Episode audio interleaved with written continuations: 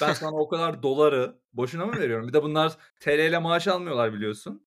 Evet abi dolarla Ol alıyorlar. oldu paşam. Ben pazar günü bir raporu merak edeceğim. Sen diyeceksin ki ben şu an Erciyes'e kayıyorum. Ben de sana kayıyorum o zaman şu an.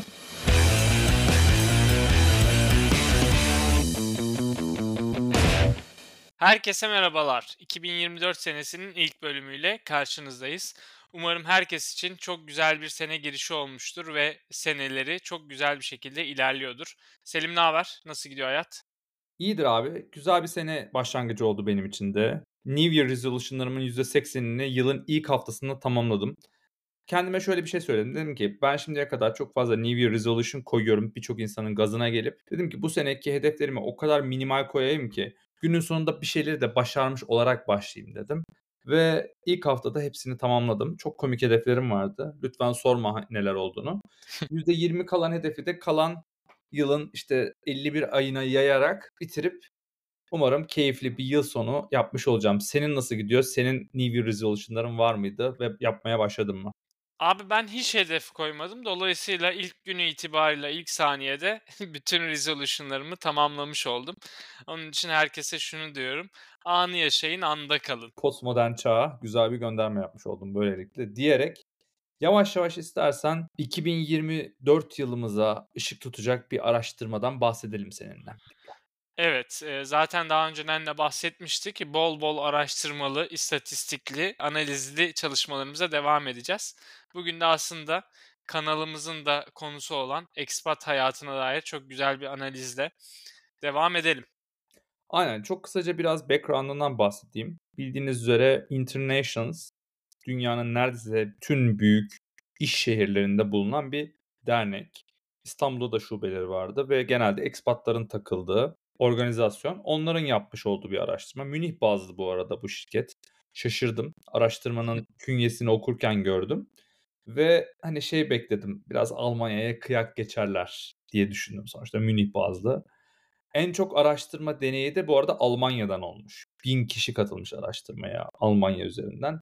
Ve abi Almanya'ya haşırt diye geçirmişler. Zaten yavaş yavaş birazdan geçeceğiz. İstersen önce metodolojiye girelim. Bu araştırma abi 1 ve 28 Şubat tarihleri arasında gerçekleşmiş ve araştırmaya 12.065 tane expat katılmış. Bunlar 171 ülkeden katılıyorlar. Araştırmada şöyle bir durum var. Her ülke için minimum 50 kişiyle görüşmüşler.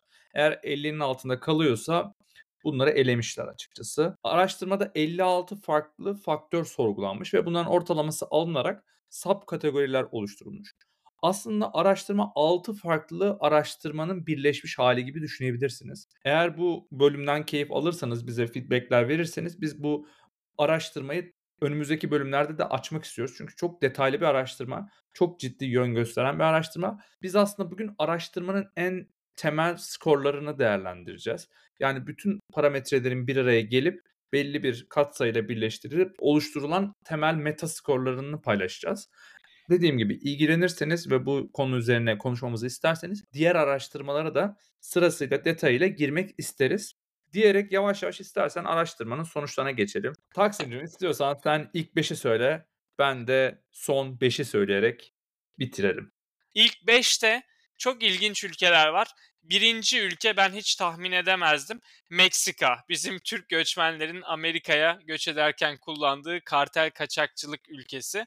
Ama ekspatlar için en iyi birinci ülke Meksika. İkinci ülke biraz daha benzer bir kültür sadece farklı bir kıta İspanya. Üçüncü ülkeye geldiğimiz zamansa yine Güney Amerika kıtasından e, Panama'yı görüyoruz. Dördüncü ülke bambaşka bir kıta Asya'da Malezya.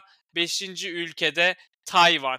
Abi beni en çok şaşırtan hani yani biz böyle hep bahsediyoruz ya işte Batı ülkeleri, Batı ülkeleri maalesef baktığın zaman ekspatlar arasında Batı ülkeleri bizim sandığımız kadar da popüler değil gibi. Ne düşünüyorsun? Aynen öyle abi. Şimdi şöyle düşünmek lazım. Meksika'yı anlayabiliyorum. Meksika Amerika'ya çok yakın. İşte Cancun var. Amerikalılar çok sever Cancun'da tatil yapmayı.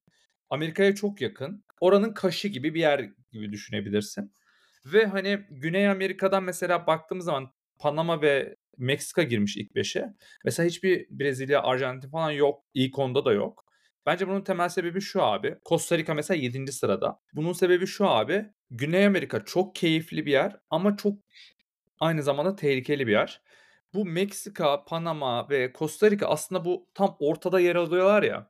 Hem güzeller o iklim var hem de güvenliler. Bence ekspatların en çok dikkat ettiği şeylerden ikisi de budur diye düşünüyorum. İspanya'ya şaşırmadım çünkü ben de İspanya'da yaşamak isterim. Barcelona'da yaşamayı kim istemez? o da bence Avrupa'nın Meksikası abi. Çünkü güneyde havası güzel, insanlar chill falan hani keyifli bir ortamı var. O yüzden İspanya'ya da şaşırmadım. Panama'yı zaten konuşmuştuk. Malezya'ya ben asıl şaşırdım. Hani Malezya bildiğin gibi Müslüman bir ülke. O bölgelerde genelde ekspatlar rahatsız olurlar mı kültür şokundan? Beni biraz e, Malezya şaşırttı. Tayvan da şaşırttı. Çünkü Tayvan'da biliyorsun orada da political pressure çok yüksek. Özellikle Çin'den kaynaklı. Her an Tayvan Savaşı çıkacak mı çıkmayacak mı e, endişesi taşıyorlar. O yüzden beni şaşırttı. Benim en sevdiğim ülkem Portekiz ilk onda yerini almış 10. sırada. O yüzden o konuda mutluyum ya ve araştırmanın validasyonunu da yapabilirim. Çünkü bence de Portekiz ilk onda olmalıydı. İlk onu da söylemiş gibi oldum ama hani ilk 5 diye başladık. ilk onu söylemiş olduk. Onda söylemediğimiz Tayland var 6. sırada. Masaj isterseniz arkadaşlar Tayland'a gidebilirsiniz. Filipinler var. 9. sırada Bahreyn var. Bu gruptan yani bu Körfez'den Bahreyn girmiş. 10. dediğim gibi Portekiz. Sonunu da şöyle özetleyeyim. Biraz şaşırtıcı ülkeler duyacaksınız. 44. sırada Japonya var. 45'te Yeni Zelanda. 46 Malta. 47 İtalya. 48 Güney Afrika. 49 Almanya. 50 Güney Kore. 51 Türkiye. 52 Norveç, 53 Kuveyt. Abi sanıyorum bu ülkelerin bazılarını tanıyoruz, biliyoruz artık. Evet abi Türkiye diye bir ülkeyi duymuştum. Ben tanıyorum herhalde Türkiye'yi. Almanya'yı da senden dolayı biliyoruz. Ee, ama listede şaşırtıcı ülkeler var. Japonya mesela gerçekten ben sanardım ki iyi bir ülke ve çok da iyi bir ekspat hayatı orada yaşanır. Çünkü yemekleri de kaliteli güzel ve yumuşak insanların da olduğu bir ülke diye düşünüyorduk. Ama maalesef en altta 10 ülkeden birisi. Abi Japonya için şöyle duydum. Turist olarak gidiyorsan muhteşem bir ülke. Defalarca gitmek isteyebileceğin bir ülke. Fakat orada yaşıyorsan öyle değil abi. Çünkü Japonlar yani yabancılara yabancı gibi davranıyorlar. Turistten çok iyi davranıyorlar ama iş hayatlarına girdiğin zaman geçen bölümde de dinlemiştik ya Ayşe'nin söylediği gibi. Kore'ye çok benzer bir şekilde çok ciddi bir ayrımcılık, çok ciddi sen Japon değilsin psikolojisi yaşamışlar. Bir de orada biliyorsun Japonların birbirine karşı olan kurumsal kültürleri de çok farklı abi. Biraz patronlarına çok garip bakıyorlar. Hani patron gibi değil de böyle tanrı gibi bakıyorlar. O yüzden bu biraz ekspatları ürkütmüş olabilir diye düşünüyorum. Evet abi dediğin gibi olabilir.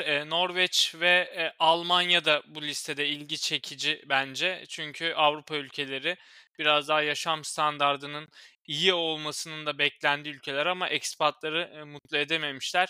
Türkiye'yi de son sıralara alması bana ilginç bir operasyon gibi geldi. Biz her zaman şunu diyoruz. Ya sev ya terk et. Diyorsun süper. Ben açıkçası Almanya'ya çok şaşırmadım. Norveç'i bilmiyorum. Hani hiçbir fikrim yok. Hani burada mesela İsveç de olabilirdi, Finlandiya da olabilir ki ki araştırmanın bir kısmında da Nordik ülkeleri birbirleri arasında da kıyaslıyor. Belki bir günde onu konuşuruz. Ya buradaki asıl sıkıntı abi bence Almanya ve Norveç'in sıralarda olması. Yaşam kalitesi çok yüksek ama insanlar çok yabani. Hani seninle bir İspanyol kadar hadi kanka gel bu akşam bir şeyler takılalım edelim demiyorlar. Çok içlerine kapalılar. Biraz ırkçılık da var, biraz kültürel kapalılık da var. Yani Türkiye konusunda da üzüntü verici. Bu tarz araştırmaların çoğunda böyle sonlarda olmamız beni çok üzüyor. İşte demokrasi endeksi yayınlanıyor. Çok kötülerdeyiz. Bazılarının abi çok manipülatif olduğunu da düşünüyorum.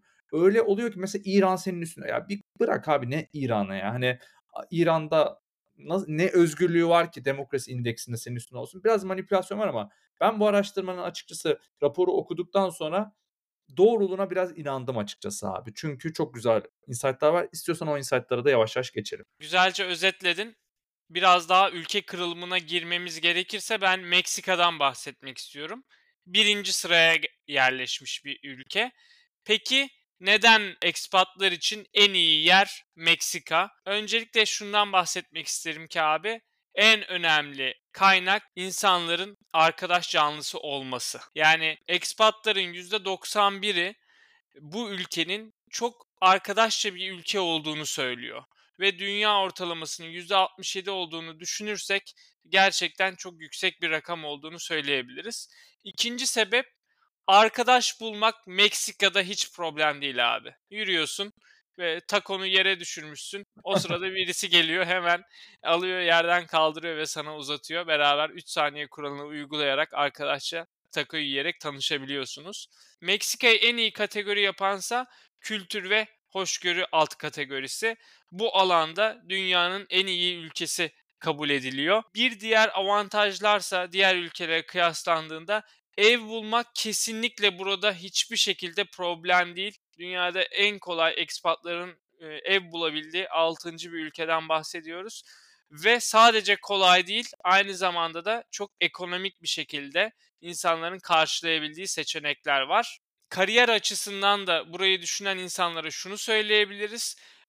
Kişisel kariyer fırsatları açısından ve adil bir maaş açısından, iş özel hayat dengesi açısından da dünyadaki en iyi ilk 10 ülkeden birisi Meksika. Bunu rahatlıkla söyleyebiliriz. Kesinlikle gidin Meksika'da bir iş bulun bulabiliyorsanız tabii. Bilmiyorum İngilizce ve İspanyolca farkı nasıl yaşanıyor orada. Ama birazcık da tabii dezavantajlarından bahsetmek gerekirse politik olarak stabil bir ülke asla değil Meksika son 10'da ve ekspatların önemli bir çoğunluğu da burada kendisini güvende hissetmiyor. Dünya ortalaması %8 iken ekspatların %18'i Meksika'da kendisini güvende hissetmiyor diyebilirim. Süper abi. Ben de istiyorsan İspanya'dan bahsedeyim. İspanya çok benziyor. Yani istatistikleri aşırı benziyor. İyi olduğu konularda neredeyse aynı, kötü oldukları konularda aynı. Belki kötü oldukları konulardan bu political instability dediğimiz konu İspanya'da bir konu değil. Orada da hani ben politikaya ilgiliyim biliyorsun. Hani orada da bazı ufak tefek Avrupa'yı sorunlar yaşanıyor ama bu Güney Amerika gibi çok ciddi bir political instability falan filan yok. İspanya biraz açıkçası abi Meksika'nın bir tık altı. Yani birçok konuda. Ee, insanlar da çok cana yakın. Burada kariyer yapmak isteyen arkadaşlarımız çok iyi kariyer yapamadıklarından biraz şikayetçi. Belki onu da yapabilseler bir numaraya yükselebilir. Zaten bu araştırma 2014 yılından itibaren yapılmaya başlamış ve bu adamlar her sene iyi kona girmişler abi. Bu anlamda İspanya hani çok yakın. Hani çok uzaklara gitmek istemiyorum. Meksika biraz uzak. Anamı babamı daha sık görmek istiyorum diyorsanız Meksika'dan ziyade size İspanya'yı verebiliriz. İspanya'yı seviyoruz. İspanya'yı koruyoruz diyelim. Ve istiyorsan birazcık da kötü ülkelerin yorumlarına geçelim. Tabii abi orada da gerçekten çok ilginç istatistikler var. Ben bir doğulu olarak burada Kuveyt'ten bahsetmek istiyorum. En kötü listedeki en doğu ülkelerden birisi.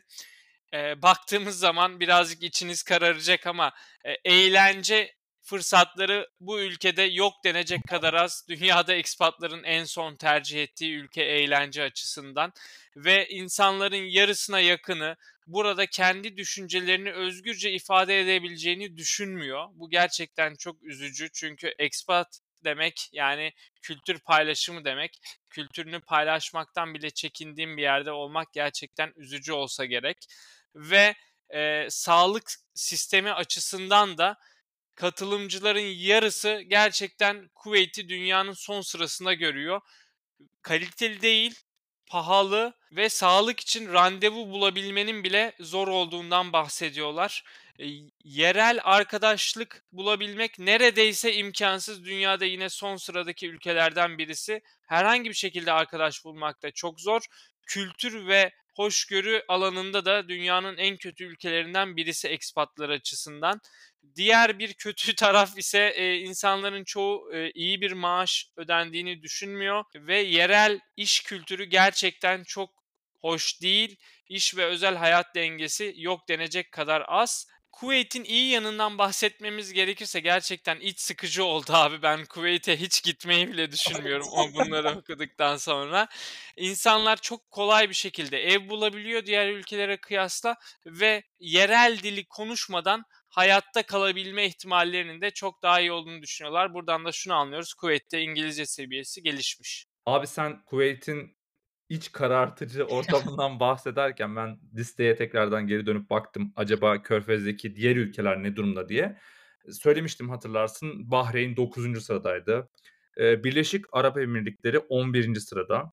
Suudi Arabistan Bin Salman'ın ülkesi biliyorsun son zamanlarda da çok güzel bir şekilde karşılandık. Orada Atatürk sevgilerinden bizden çok sık bir şekilde bahseden bir ülke. 28. sırada Katar'da 31. sırada.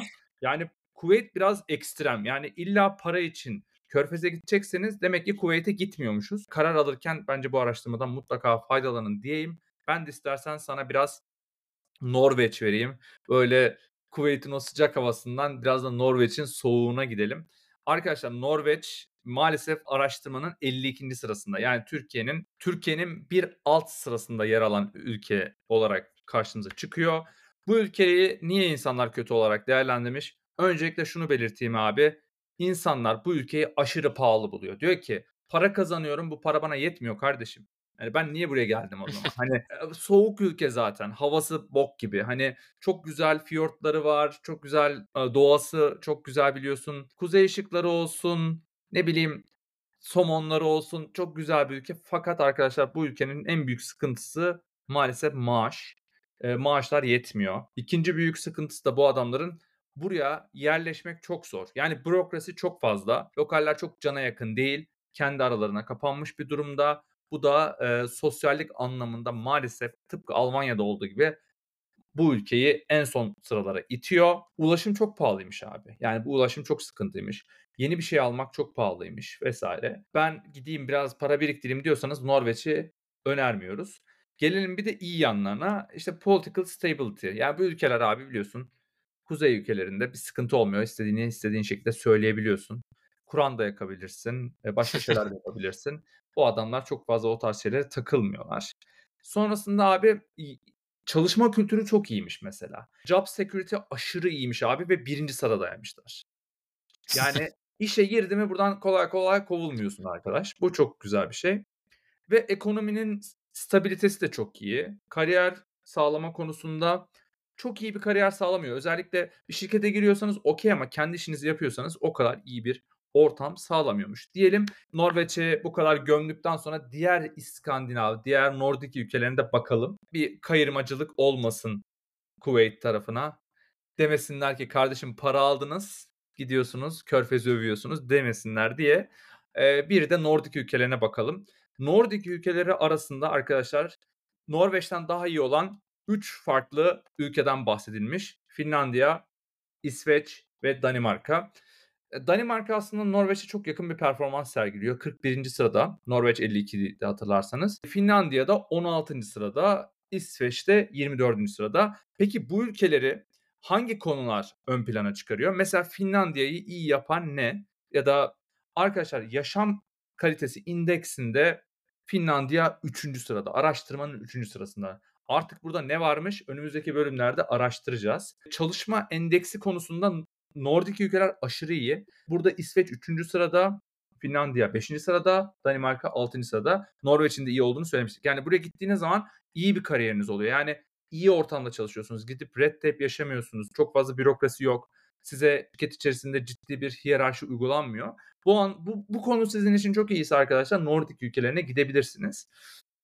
Diğer konulara da zamanla gelmiş oluruz diyelim ve istiyorsan araştırmanın can alıcı noktalarından biri olan Türkiye'miz, biricik ülkemize geri dönelim. Araştırmada bir sayfayı bize ayırıp haşırt haşırt geçirmişler.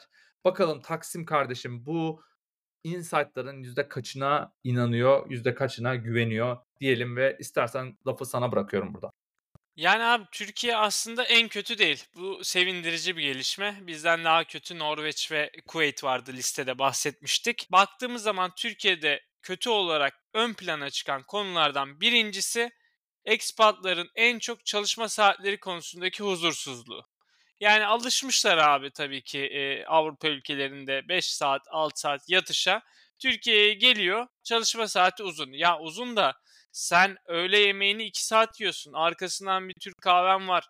e, günün yarısı sigara molasında geçiyor. Bunları hesaba katmamışlar herhalde kendileri kullanmadıkları için.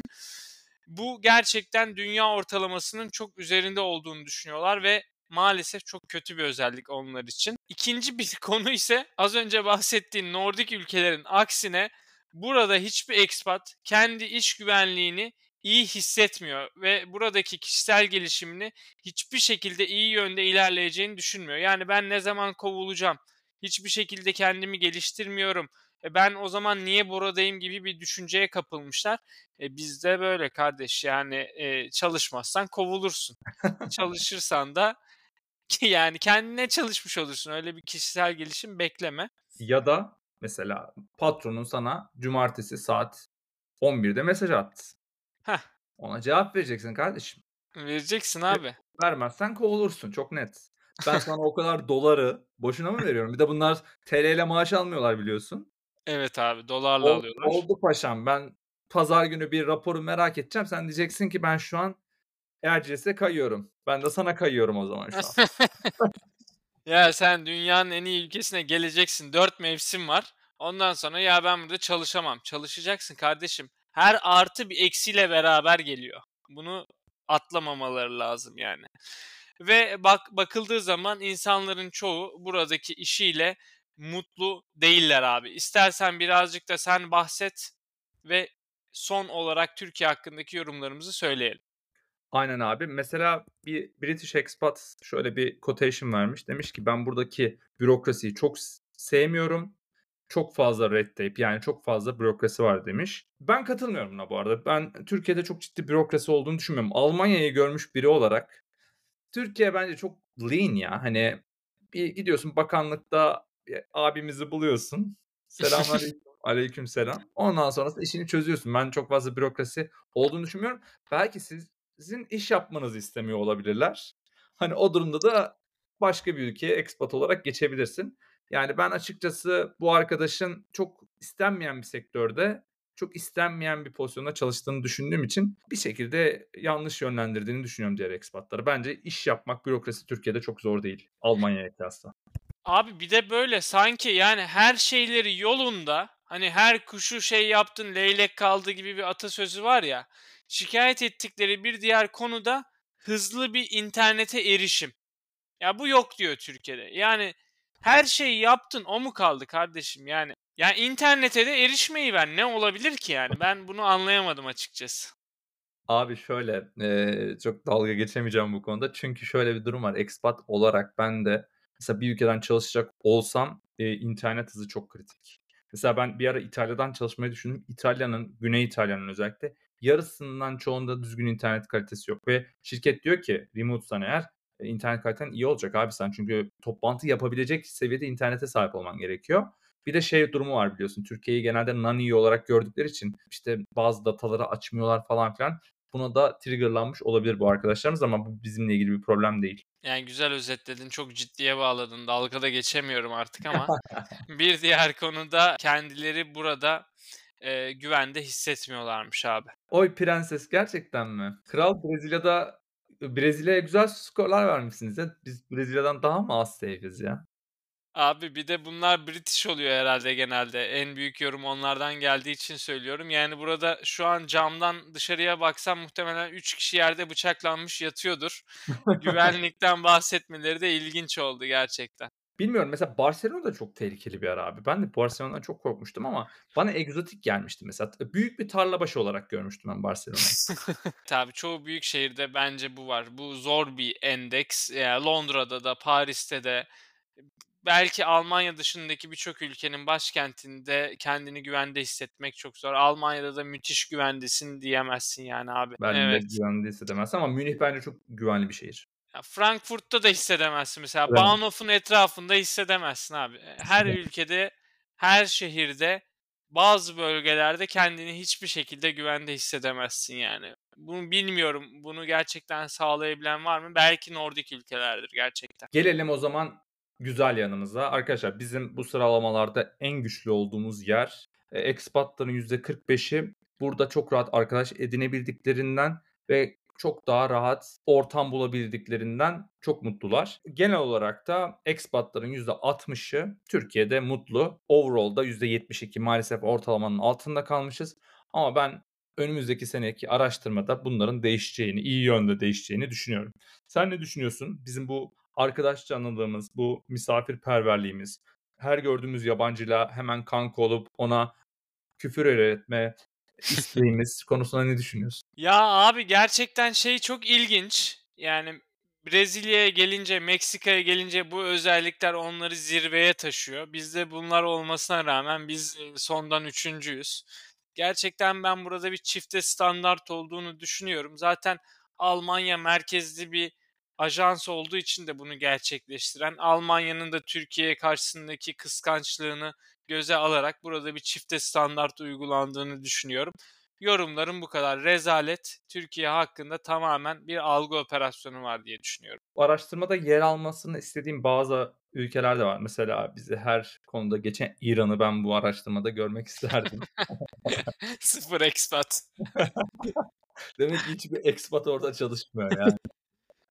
Abi çok güzel bir araştırma. Yani ben önümüzdeki haftalarda veya dönemlerde bu araştırmanın diğer kısımlarını da konuşmak istiyorum. Bazı kısımlarda gerçekten çok hak verdiğim noktalar oluyor ve ülke ülke sayfalar da var. Mesela atıyorum İngiltere'yi de sıralamış. Ha şunu da belirteyim bu arada. İngiltere de sondan 11. kanka. Biz sonuna almamışlar bilerek. Demişler ki yani, da gözükmesin. Ona bir torpil geçmişler. Bir skorları yuvarlamışlar. Bir şekilde son ona koymamışlar kanka. Abi ben Türkiye dışındaki diğer bütün ülkelerin adil bir şekilde dağıtıldığına eminim. Sadece Türkiye'de benim sorunum var. Türkiye yani ilk 10'da olması gerekiyordu diye düşünüyorum yani. İspanya varsa en azından bizim de olmamız lazımdı diye ama demek ki e, bu son dönemde yaşanan bazı huzursuz olaylar maalesef ekspatların da görüşlerini etkilemiş gibi görünüyor. Gelecek hafta çok bomba gibi bölümle karşınızda olacağız bu arada. Hazır gelecek bölümlerden bahsediyorken. Bu göç etmenin psikolojisini bir klinik psikologla konuşuyor olacağız. O bölümü mutlaka büyük heyecanla bekliyor olun. Bedavaya bir terapi size armağan ediyor olacağız. Gerçekten Taksim'in bütün dertlerini konuştuğumuz, benim bütün sıkıntılarımı masanın üzerine serdiğimiz çok güzel bir bölüm oldu. Bence siz de aynı soruları sorardınız. O zaman bizi dinlemeye devam etsin herkes. Bu analizin devamını da eğer sizlerden gelen güzel yorumlar bizi teşvik ederse ilerleyen bölümlerde dinleyebiliyor olacaksınız. Kendinize iyi bakın. 2024 size sağlık, huzur, mutluluk getirsin.